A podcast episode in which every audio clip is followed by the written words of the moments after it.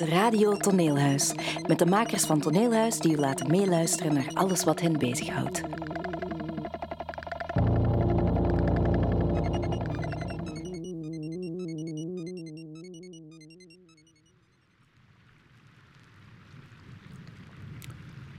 Want de krekel chirpte dag en nacht zolang het zomer was. Wijl buurvrouw Mier bedrijvig op en neer kroop door het gras, zei hij: Ik vrolijk je wat op, kom, luister naar mijn lied. Zij schudde nijdig met haar kop: Een mier die luiert niet.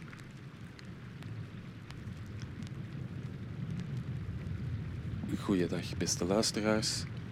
Dit is Radio Toneelhuis. Mijn naam is Benjamin Verdonk.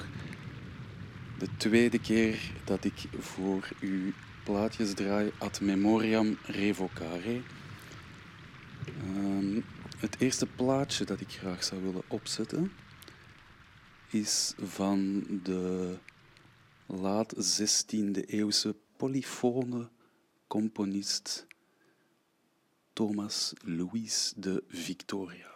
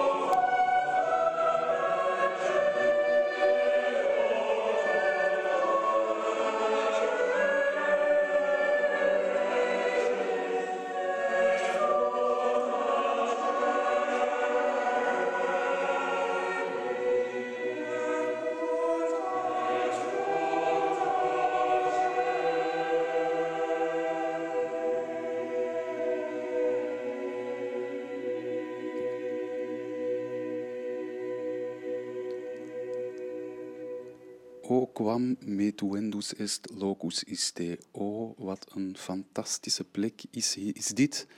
Waarlijk, het kan niet anders zijn dan het huis van God of de poort naar de hemel. U hoort het al, ik heb mijn basisschool gesleten op het Jesuitencollege op de Frankrijk Lei hier in Antwerpen.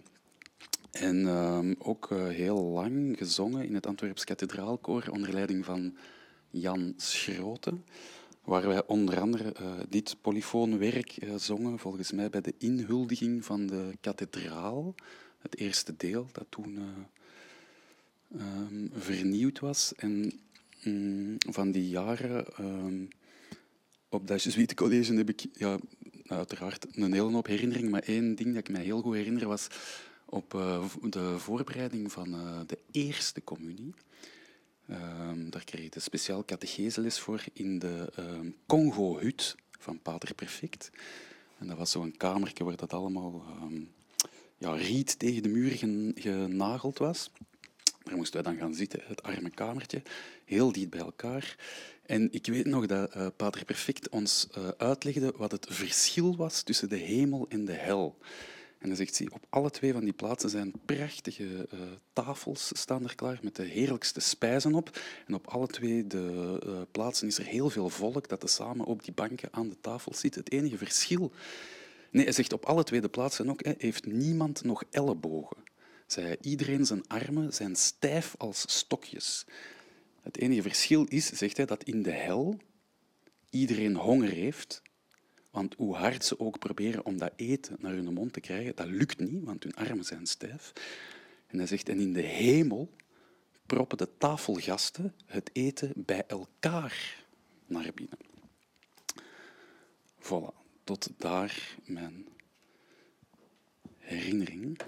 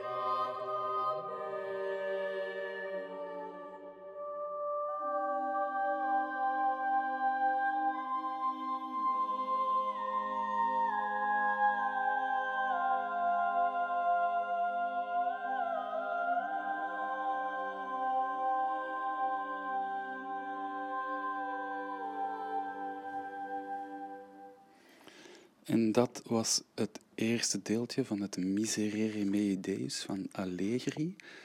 Heb medelijden met mij, o God, zoals jij medelijden hebt. door uw grote medelijden. Uh, het verhaal hiervan is dat, dat, uh, dat we dat gezongen hebben hè, met het kathedraalkoor. Is een van de uh, opvoeringen. En zoals dat je hoort in het, in het stukje, in het tweede stuk, um, zijn dat koorknapen die tot de hoge mi gaan. Wat dat een, een heel hoge noot is hè, en die ik toen kon zingen. Um, wat ik nog altijd wonderlijk vind als ik dat nu hoor. Uh, we hebben heel veel gezongen. Dat was een fantastisch moment eigenlijk. Uh, met dat koor, we gingen heel veel op reis ook. En ik herinner mij dat wij ook naar Rome gingen uh, om daar te zingen in, in, in de Sint-Pietersbasiliek. Um, dat was zelfs mijn nieuwjaar, een mis opgedragen door paus Johannes Paulus II. En um, van dat stuk van Allegri is ook een leuke anekdote. En dat is, dat is uh, besteld door een paus voor de paasmis. Uh, Urban de achtste, denk ik. En um, die paus vond dat stuk van Allegri, uh, Miserere mei, mei Deus, zo mooi dat hij verbood aan, aan iemand om het stuk op te voeren buiten de Sixtijnse kapel. Um, en wie in het bezit zou zijn van een, uh, een, transcriptie, uh, die uh, zou onmiddellijk geëxcommuniceerd worden. Het verhaal gaat verder dat honderd jaar later Mozart vanuit Salzburg naar de Sixtijnse kapel afreist om het stuk te horen. En het op zijn hotelkamer vlekloos neerpint. En het de volgende jaar laat uitgeven door iemand in Londen. Hij wordt dan door de paus van dat moment ontboden en hij vreest dus geëxcommuniceerd worden, maar de paus feliciteert hem met de uh, transcriptie. Die uh, mis in de Sint-Pietersbasiliek zal mij ook altijd bijblijven. Uh, vooral eigenlijk de, het moment dat de paus binnenkomt. Dus wij zitten daar, dat was Puericantores, met een hele hoop koren bij elkaar vanuit heel eh, West-Europa. Uh, wij worden door een aantal nonnen uh, verdrongen van de eerste rij, waar plaatsen zijn gereserveerd. En op het moment dat de paus binnenkomt, gaan al die nonnen naar, naar de dranghekken om de paus te proberen aan te raken. En steken ze het licht aan in de Sint-Pietersbasiliek. Wat een ja, ongelooflijke ervaring is. En misschien wel mijn, mijn eerste ervaring die ik mij herinner met groot spektakel. Um, van die reizen van het koor uh, herinner ik mij ook nog dat dat een zeker seksueel ontluiken was uh, onder de koorknapen. wat had u gedacht? Um, waar de paus op dat moment toch ook van op de hoogte moet zijn geweest, denken wij allen. En van dat ontluiken spring ik eigenlijk naar mijn eerste herinnering um, dat ik heb um, omtrent uh, deelname aan een toneelstuk. Het is niet, ja, ik denk toch wel de eerste herinnering. En het betreft eigenlijk uh, voorjaarsontwaken, het seksueel ontluiken van een uh, aantal jongelingen, geschreven door Frank Wedekind. En dat was Lucas van der Vos, die toen bij de tijd regisseerde en die ehm, ja, een stuk wou maken, voorjaarsontwaken, en het van plan was om dat echt met, met jongeren te doen. En ik denk dat ik toen 15 jaar was, toen ik eraan begon. En um, wij hadden... Um, ja, die repetitie die vond eigenlijk plaats in een leeg internaat, want het was zomer in uh, Merelbeke. Uh, waar wij met een uh, ja, tiental jongeren een maand lang repeteerden en ons van ons eigen ontluiken voorzagen. Um, ik herinner me nog dat ik een rol speelde van Moritz, Um, is een jonge man die op het einde van het stuk uh, zelfmoord pleegt. En ik herinner me nog altijd een stukje daaruit. En dat is... Um, ja, dus dat is mijn monoloog, dus ik zit ergens, dus ik moet, ik, moet zelfmoord plegen en ik moet heel um, ja, geëngageerd uh, roep ik daar. en ik zal het uitschreeuwen als er sprake is van wellust. Uitschreeuwen zal ik het Ilse, één moment te zijn zoals jij. En juist nu kom ik jou tegen. Um, voilà, dat is wat ik me nog herinner. Er is een, lied van Schubert um, dat um, in die voorstelling uh, gespeeld wordt en dat ik zo zou kunnen nazingen. Dat ga ik uh, niet doen. ik heb het voor u opgezocht en ik heb echt avonden op YouTube zitten, zitten zoeken naar dat lied. Ik heb ook uh, gebeld naar Lucas, gebeld naar Sarah die uh, Sarah de Bosser, die uh, toen ook meespeelde. Um, maar uh, niemand kan zich blijkbaar dat nummer herinneren. Um, dus dat ben ik u nog schuldig, mocht er nog ergens gelockdowned worden en een, een, een, nieuwe radioaflevering um, gemaakt worden, dan, dan, ga ik u dat zeker spelen.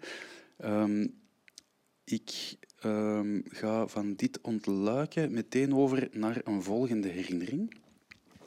En dat is de uh, toneelschool, um, die um, op gebied van seksueel ontluiken ook wel het een en ander te bieden had.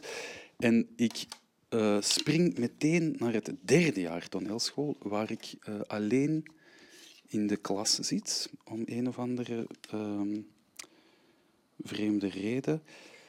En wij spelen, uh, ik speel samen met het uh, toneel samen en wij spelen onder leiding van Johan Simons. En met Johan Simons had ik in het uh, tweede jaar, toen ik nog met twee mensen in de klas zat, Dietrich en Inge, dus met drie in totaal, hadden wij de Koningsmoord van Pasolini gespeeld. En ditmaal spelen wij van Frans Xaver Kruits Boeren sterven. Een, een prachtig stukje, allemaal in de, in de moet ik nu zeggen, ja, in de lijn van wat dat uh, Hollandia, Johan Simons en uh, Paul Koek op dat moment aan het maken waren, uh, boerenstukken. prachtige, ruwe, ruwe, geblokte taal. En, en, Johan Simons die was op dat moment zwaar overwerkt, dus die was eigenlijk maar drie keer gekomen naar de les. En ik had een beetje de leiding overgenomen zoals dat gaat als enige derdejaars in een klas van tweedejaars. Um, en, wij hadden, en we hadden toch dat stuk gemaakt. Um, wij wilden dat spelen en wij hadden ook postertjes gemaakt. En we hadden die postertjes opgehangen in de gang. Hè, tweede en derde jaar spelen. Boeren sterven van Frans Xaver Kretz. nu herinner ik mij dat um, op een bepaald moment de heilige drievuldigheid, zijn de Dora van der Groen, Ivo van Noven en Johan van Nassen als uh, juryleden, voorzitters van de school, uh, lesgevers, verdienstelijke lesgevers, die kwamen um, kijken naar een repetitie en ik herinner me dat Dora razend binnenkwam met die postertjes in haar hand. En dat hij zoiets had van, van waar halen jullie de pretentie om een toneelstuk te maken? Ik zal wel beslissen of dat, dat uh, gezien zal worden door andere mensen of niet. Um, deze kan niet. Um, um, er komt geen publiek kijken, dus er mocht geen publiek komen kijken. dus ik had op dat moment al enige ervaring met het spelen voor drie tot vier mensen. En het enige dat toegelaten was, was een technieker, hè, die, die ja, de muziek en, en, het licht deed, wat allemaal heel, heel beperkt was. En wij hadden daarvoor Pieter de Buiser gevraagd, waarmee ik het jaar daarvoor in de school gezeten had, maar die na het eerste jaar de school verlaten had. En wij hadden uh, bij wijze van grap Pieter de Buiser helemaal ingekapseld in een, in een, zwarte, in een, in een zwarte molton, in een zwarte doek, hè, waar dat alleen zijn ogen uitkwamen. En zo bediende hij eigenlijk uh, de muziek. Prachtig, prachtig stuk. En het uh, stukje muziek ehm, dat daarin kwam, klonk als volgt.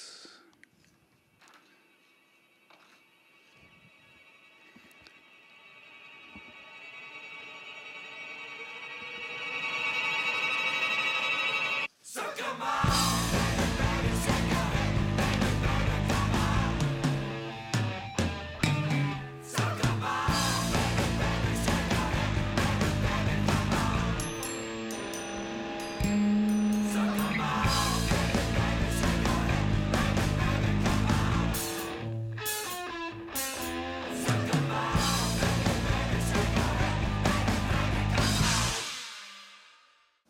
En dat was uh, Deus, hè. eerste uh, CD.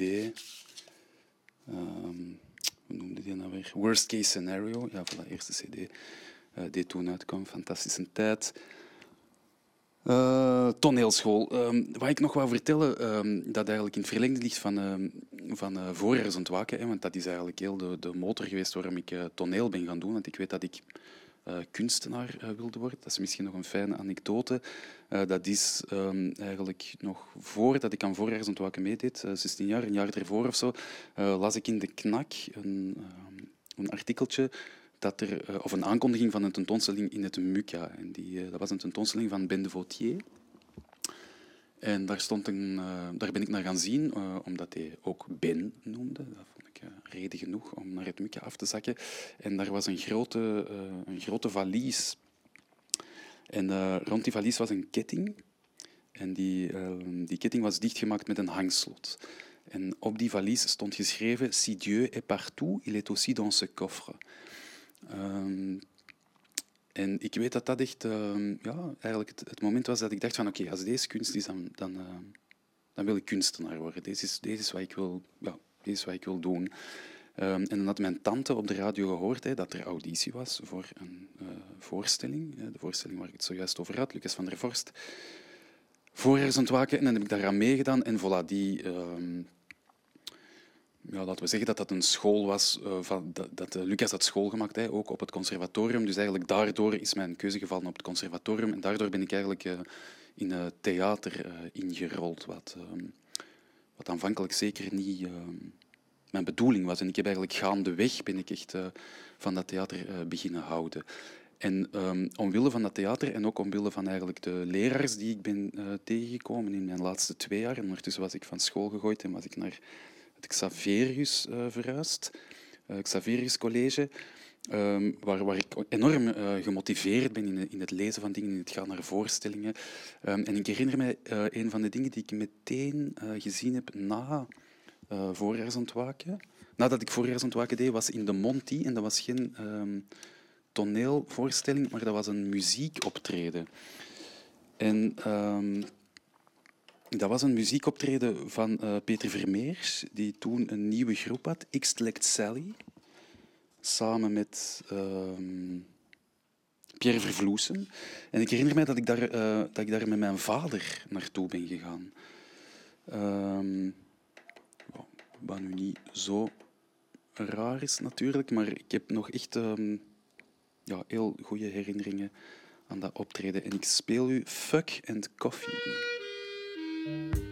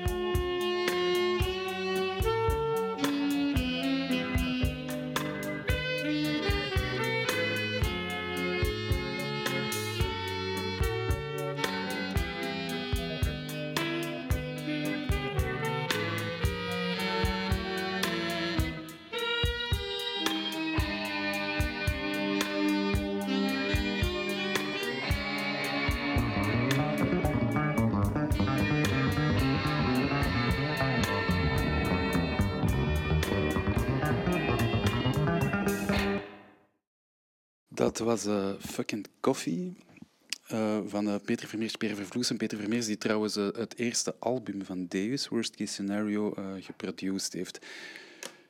Ehm, Peter Vermeers en Pierre Vervloesem, die ik later zou terugzien. Ehm, ik weet niet of ik in de juiste volgorde spreek, maar in ieder geval later bij de fantastische voorstelling Weg, waarin zij, die zij samen met Jos de Pauw gemaakt hebben. En dat een van de ja, meest belangrijke voorstellingen was die ik in die tijd zag, eigenlijk. Een combinatie muziek, tekst. En um, het verhaal daarbij dat ik graag wil vertellen is dat um, ik ben afgestudeerd met een voorstelling die, ik, um, die Peter van Kraai begeleid heeft. En dat was een tekst eigenlijk van ik had een roman had gehaald die op dat moment ook de, de, en nog altijd denk ik een van de meest belangrijke romans is die ik ooit gelezen heb. Dat is uh, Rajuela, een hinkelspel van Julio Cortázar. Um, uh, die tekst is samengesteld daaruit en um, die afstudeervoorstelling heb ik heel, onder heel veel verschillende vormen later nog gespeeld. Dus um, ik had die gespeeld, die was dan geselecteerd voor, uh, ik weet niet hoe dat dan noemde, Jonge Janne binnen het uh, theaterfestival of zo. Uh, in ieder geval Johan Simons, die, waar ik ben bij gaan spelen, Hollandia. Um, die had gezegd van ja, je moet die voorstelling opnieuw spelen. En dan ben ik die opnieuw beginnen spelen. En dan in eerste instantie heb ik die gespeeld samen met Pieter de Buiser. Um, enfin, ik speelde die en Pieter de Buiser was daar ook op scène. En um, ik weet nog dat er um, dat, we zo, dat, ik ook zo een soort van improvisatiemoment uh, inbouwde in die voorstelling. En dat was dat er dan, ja, er werden van alle feitelijkheden, van alle dingen uh, verteld. En Pieter was er ook heel goed in, in uh, anekdotes vertellen. En ik weet nog, een van de anekdotes die mij is bijgebleven, was dat, ehm, dat ik in, in die tijd ook in, in Amsterdam naar het Stedelijk Museum was gegaan, naar de Naked Shit Pictures van Gilbert en George. En um, dat, er, dat ik gelezen had dat ehm, Ehm, UNICEF, denk ik, iemand van daar, die had een brief geschreven aan Gilbert en George uh, met de vermelding dat uh, met de hoeveelheid uh, vitamine en mineralen die er in de, in de uitwerpselen zitten van een, van een gemiddelde westerse burger, dat dat genoeg was om een kind uit de derde wereld nog drie dagen langer mee in leven te houden. Um, een andere versie die bestaan heeft van ehm, uh, van Cortázar, Rajuela, een enkelspel, was uiteraard met Tinko Fuan. Daar heb ik in de vorige aflevering van verteld. Maar mijn vader heeft ook een tijd meegedaan in die voorstelling. En zijn rol was eigenlijk om op het einde van de voorstelling in hetzelfde kostuum als ik had op te komen. Ehm, en ik vermoed dat mensen wel zagen dat dat mijn vader was. En die had toen al geen tanden meer. En die nam dat gebied uit. die nam zijn gebied uit zijn mond en die lachte naar de mensen. Um, hij heeft dat niet lang uh, mogen meedoen, omdat onze moeder was daar niet echt voor te vinden, eigenlijk, voor die, uh, voor die uh, moet ik dan nu zeggen, voor die cameo, voor die rol uh, die hij had. Wat ik wel weet, is dat later, toen ik de voorstelling van Jos de Pauw zag, weg dat Jos de Pauw ook op het einde van de voorstelling zijn gebied uit zijn mond neemt. Wat beschreven werd als een uh, prachtig beeld, wat ik behoorlijk onrechtvaardig vond, omdat ik er al een aantal jaar geleden mee op het podium had gestaan. Um, dat heb ik Josse nooit uh, verteld, maar bij deze. Um, wat ik ook nog wil vertellen is. Um, ja, ja. Dat ik later eigenlijk. heel toevallig. Uh, Peter Vermeers terug ben tegengekomen. En dat komt eigenlijk Ehm, heel toevallig. Dus ik was in Kortrijk naar een festival aan het zien. Um, en in dat festival speelde ook Waas Schramser mee. En die vertelde, die zat in een zetel, in een opblaaszetel, dat weet ik nog heel goed. En die vertelde um, uh, teksten van Daniel Garms, iemand waar ik tot dan toe uh, niet van, uh, nog nooit van had gehoord. En dat waren ook zo, je hebt zo'n stukje in het werk van Daniel Garms en dat noemt dierenverhalen. En een van die verhalen was de buidelmiereneter. Um, en ik weet nog dat ja, Waas Gramser die kan zo heel, heel goed kwaad spelen. En die zat in die zetel en die vertelde heel kwaad een aantal verhalen. En een daarvan ken ik nog altijd en die, dat gaat als... En zie hier de buidelmiereneter. Wanneer de buidelmiereneter een vijand ziet, gaat hij er vandoor.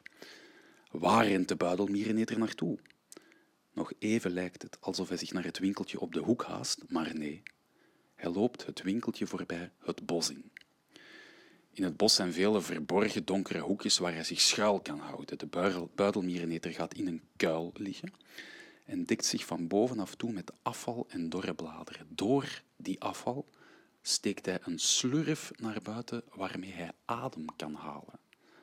Eigenlijk is de buidelmiereneter een afschuwelijk dier. Hij eet uitsluitend wormen. Een van de dierenverhalen van Daniel Garms, een oeuvre dat ik uh, ja, uh, ben gaan lezen, dat ik fantastisch vond. En enkele weken later, of misschien wel één week later, kreeg ik telefoon en ik woonde op dat moment in de Diamantslijperij, samen met Pieter de Buisser en uh, Christophe Leu. Uh, woonden wij met drie.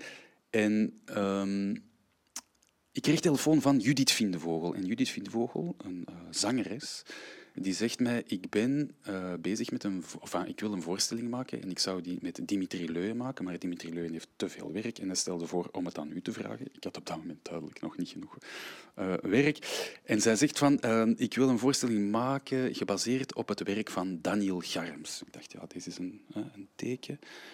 dus ik heb onmiddellijk ja gezegd en wat bleek dat niemand minder dan Peter Vermeers op een aantal teksten van Daniel Garms muziek had gemaakt. Uh, muziek die uitgevoerd werd door uh, Wim Koning, Tom Wouters en de fantastische accordeonist Philippe Turiot.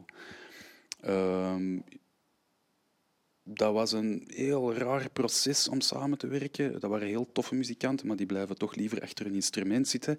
En ik wou toch liever dat die wat bewogen.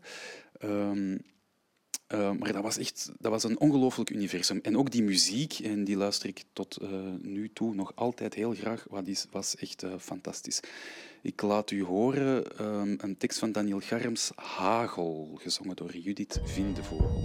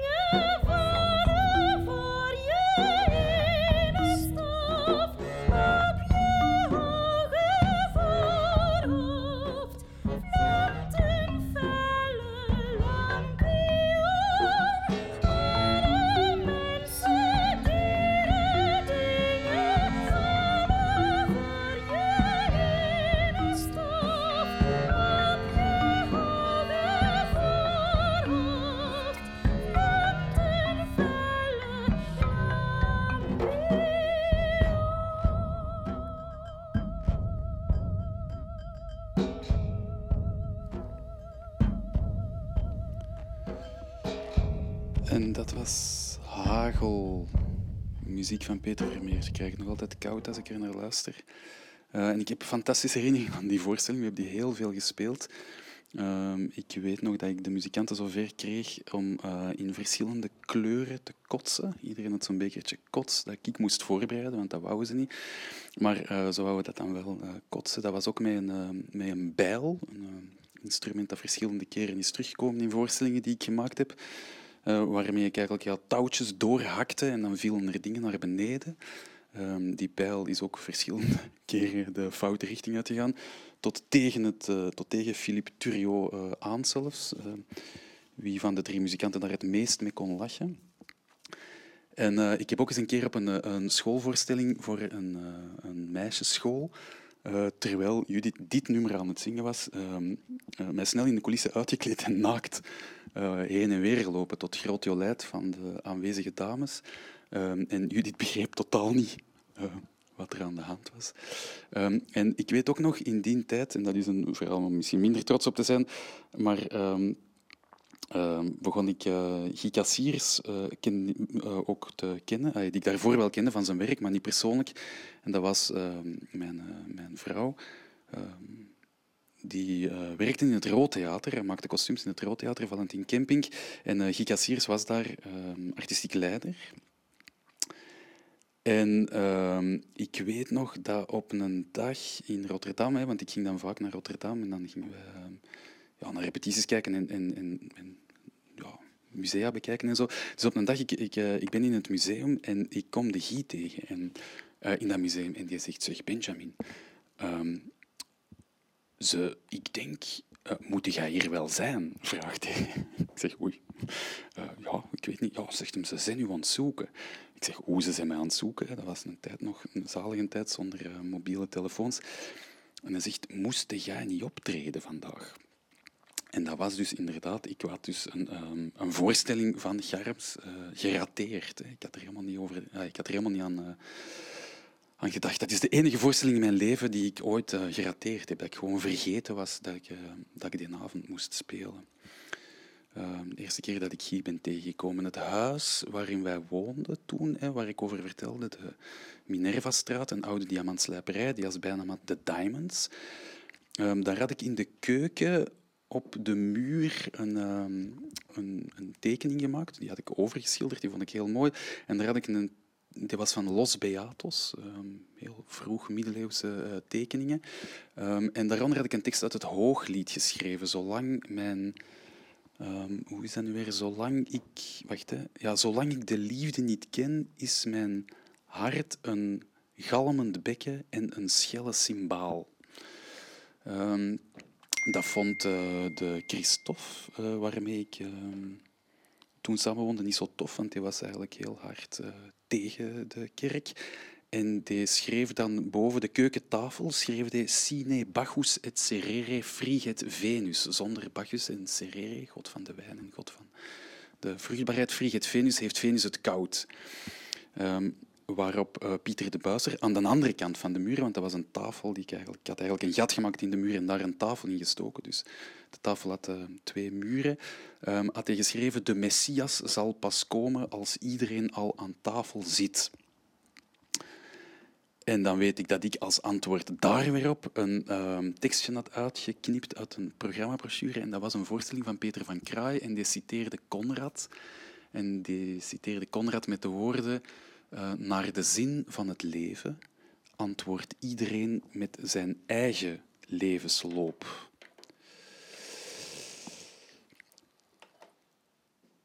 Dat um, was het verhaal over Daniel Garms. Um, over de bijl misschien nog een klein verhaal. Um, veel later heb ik eens in een uh, school lesgegeven, in het speelschoolje aan de Salle Jeanne in Deurne.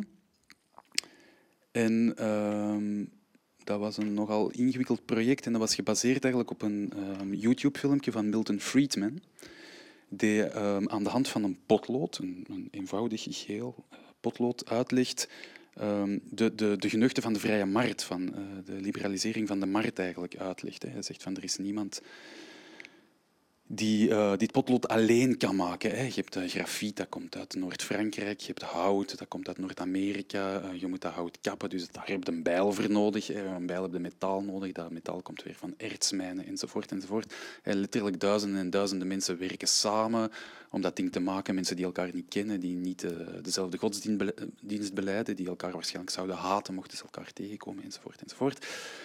Um, nu, mijn plan was om met die kinderen, met die basisschool eigenlijk, ehm, een potlood te deconstrueren en al die elementen van dat potlood terug te brengen naar hun plek van oorsprong, als een soort van ten graven dragen en de weg bereiden voor iets nieuws.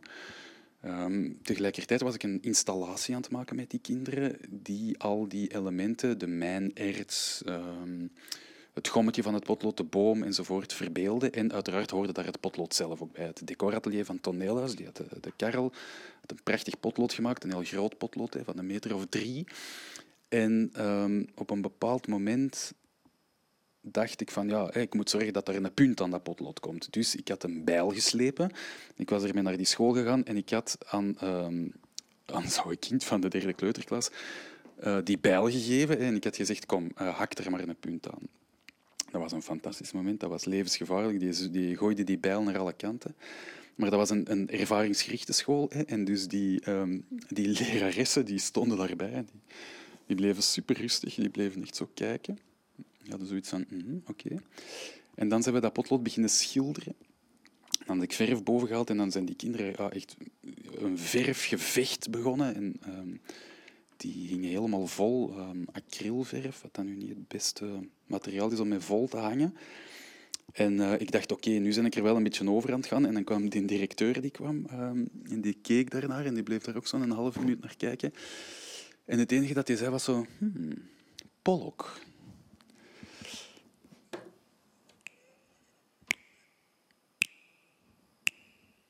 Dit is not okay for two.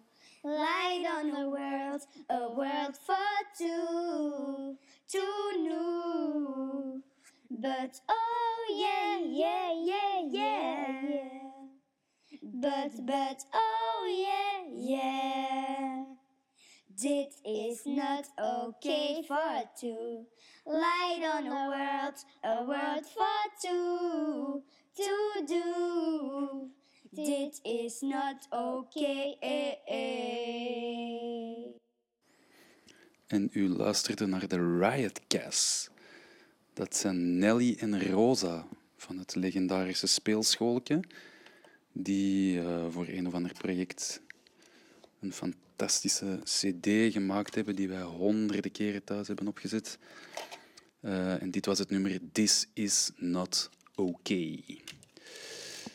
Andere muziek die ik u graag wil laten horen heeft ook een verhaal en vindt daar oorsprong bij de fantastische Lotte van den Berg, um, waar ik de eer en het genoegen heb gehad om haar te leren kennen um, op het toneelhuis.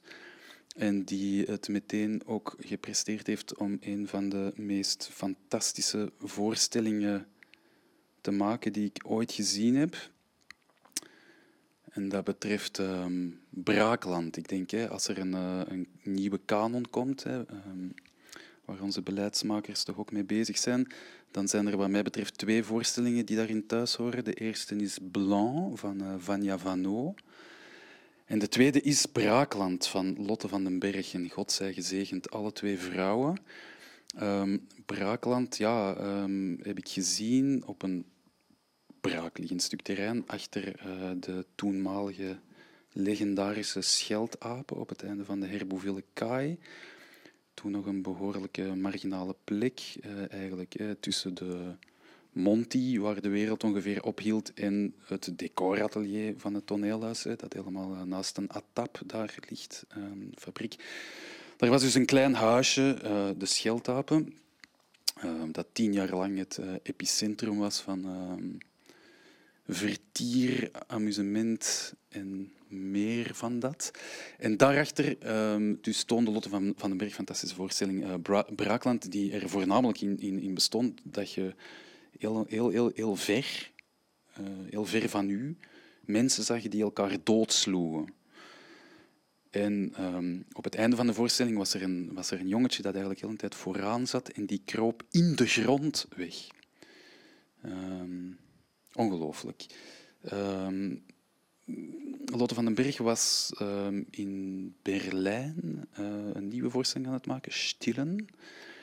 En toneelles was zo ongelooflijk vriendelijk geweest om mij een uh, vliegticket te bezorgen, want dat was een tijd waarin ik nog vloog, uh, naar Berlijn om Lotte te ontmoeten.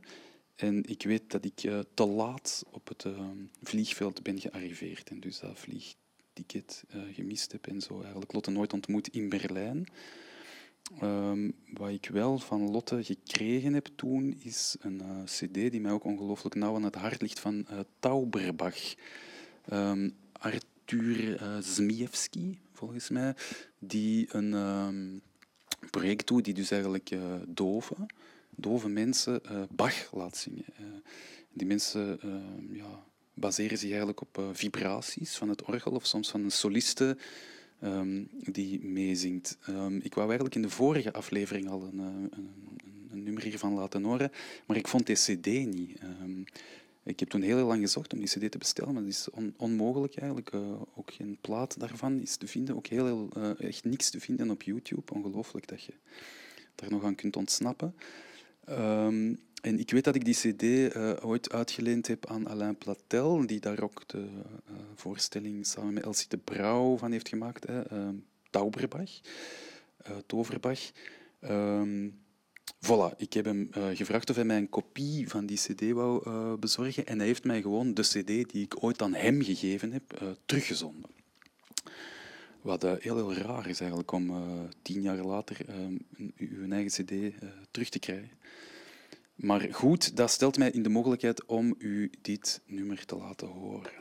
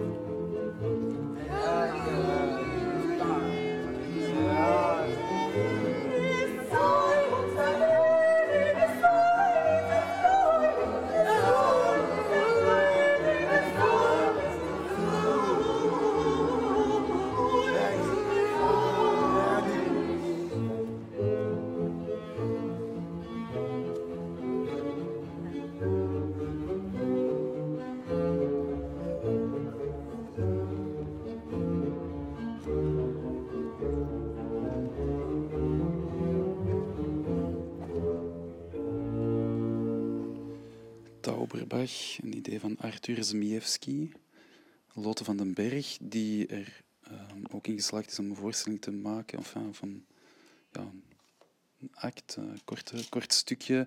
Een project dat wij toen um, gezamenlijk met de toneelhuismakers van toen uh, maakten. Um, tien en half. Uh, de geschiedenis van de wereld in tien en half hoofdstukken, gebaseerd op een werk van Julian Barnes, uh, waarin zij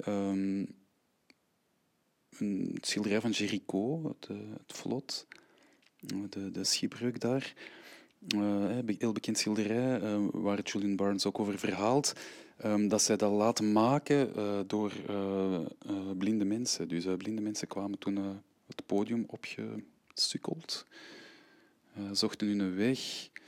En dus geleidelijk aan ontstond er een, een tableau vivant, waarin de goede kijker op een bepaald moment dus ook um, de mensen van het vlot op de Meduse vlot van de Meduze um, in herkende.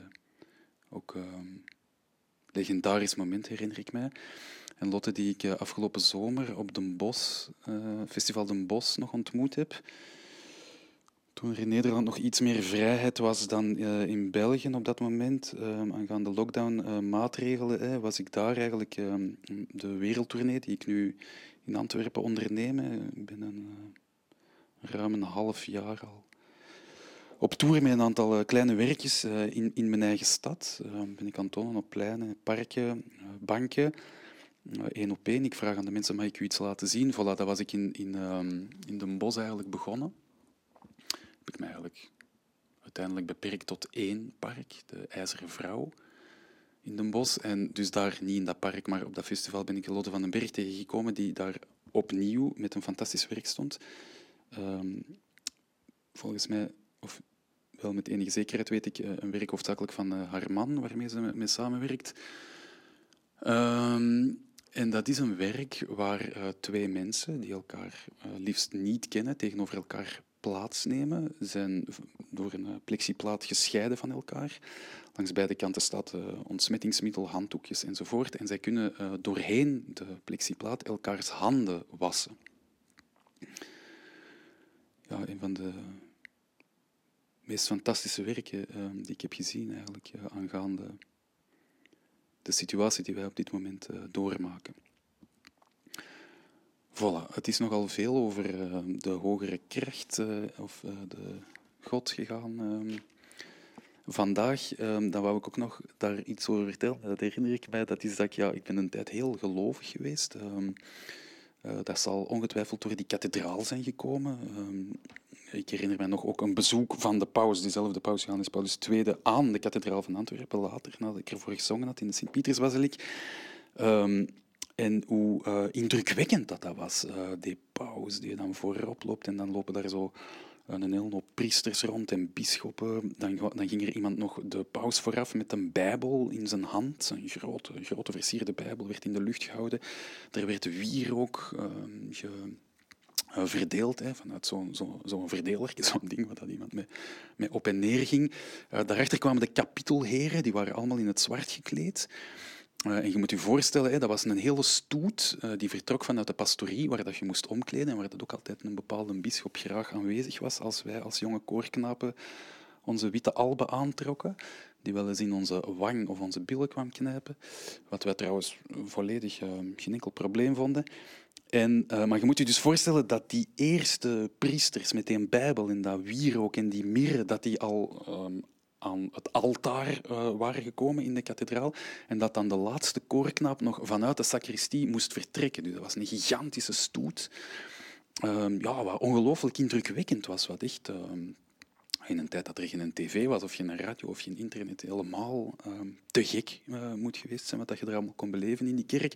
Maar er was zelfs voor mij op dat moment nog ongelooflijk uh, indruk uh, op mij maakte. En dan weet ik dat er een bepaald moment was dat ik daar helemaal ehm, op, op, op afknapte. En de oorzaak is zeker niet uh, daar te zoeken, maar ik weet wel dat dat een moment was dat ik van de Beatles begon te houden. En ik weet ook nog dat ik samen met mijn broer en ik denk dat dat al Imagine was, eh, een documentaire over eh, de Beatles en John Lennon zag. En er is één specifiek moment dat ik mij heel goed herinner, en dat is in 1963. in John Lennon deed op een op een optreden waar dat de, de koningin van Engeland ook aanwezig is. een liefdadigheidsoptreden, die voordat ze, ik denk, Twist and Shout zingen, de micro neemt en die zegt... In the cheaper seats, you clap your hands. The rest of you just rattle your jewelry. En dan zo een beweging maakt met zijn hoofd. Ik weet dat ik dat honderd keer opnieuw heb gezien met de, uh, met de video. Um, voilà, een heel andere periode in mijn leven die daar uh, aanvang nam. Ten slotte laat ik u daarom ook nog, en daarmee sluit ik deze aflevering af, een uh, nummertje horen. Um, waarvan ik vermoed dat u wel gaat herkennen um, welk nummer van de Beatles het betreft.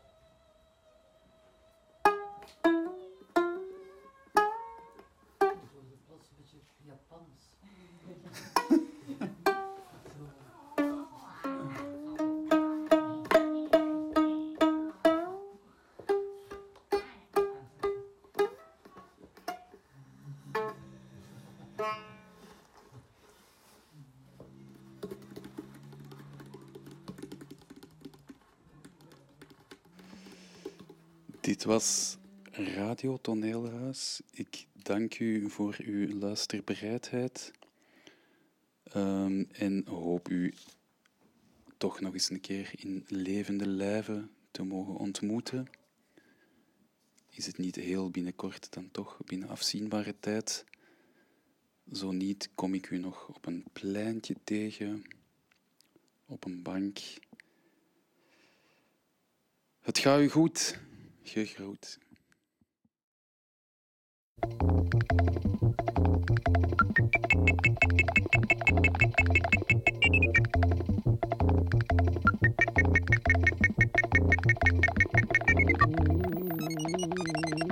was Radio Toneelhuis. Beluister alle afleveringen op radiotoneelhuis.be.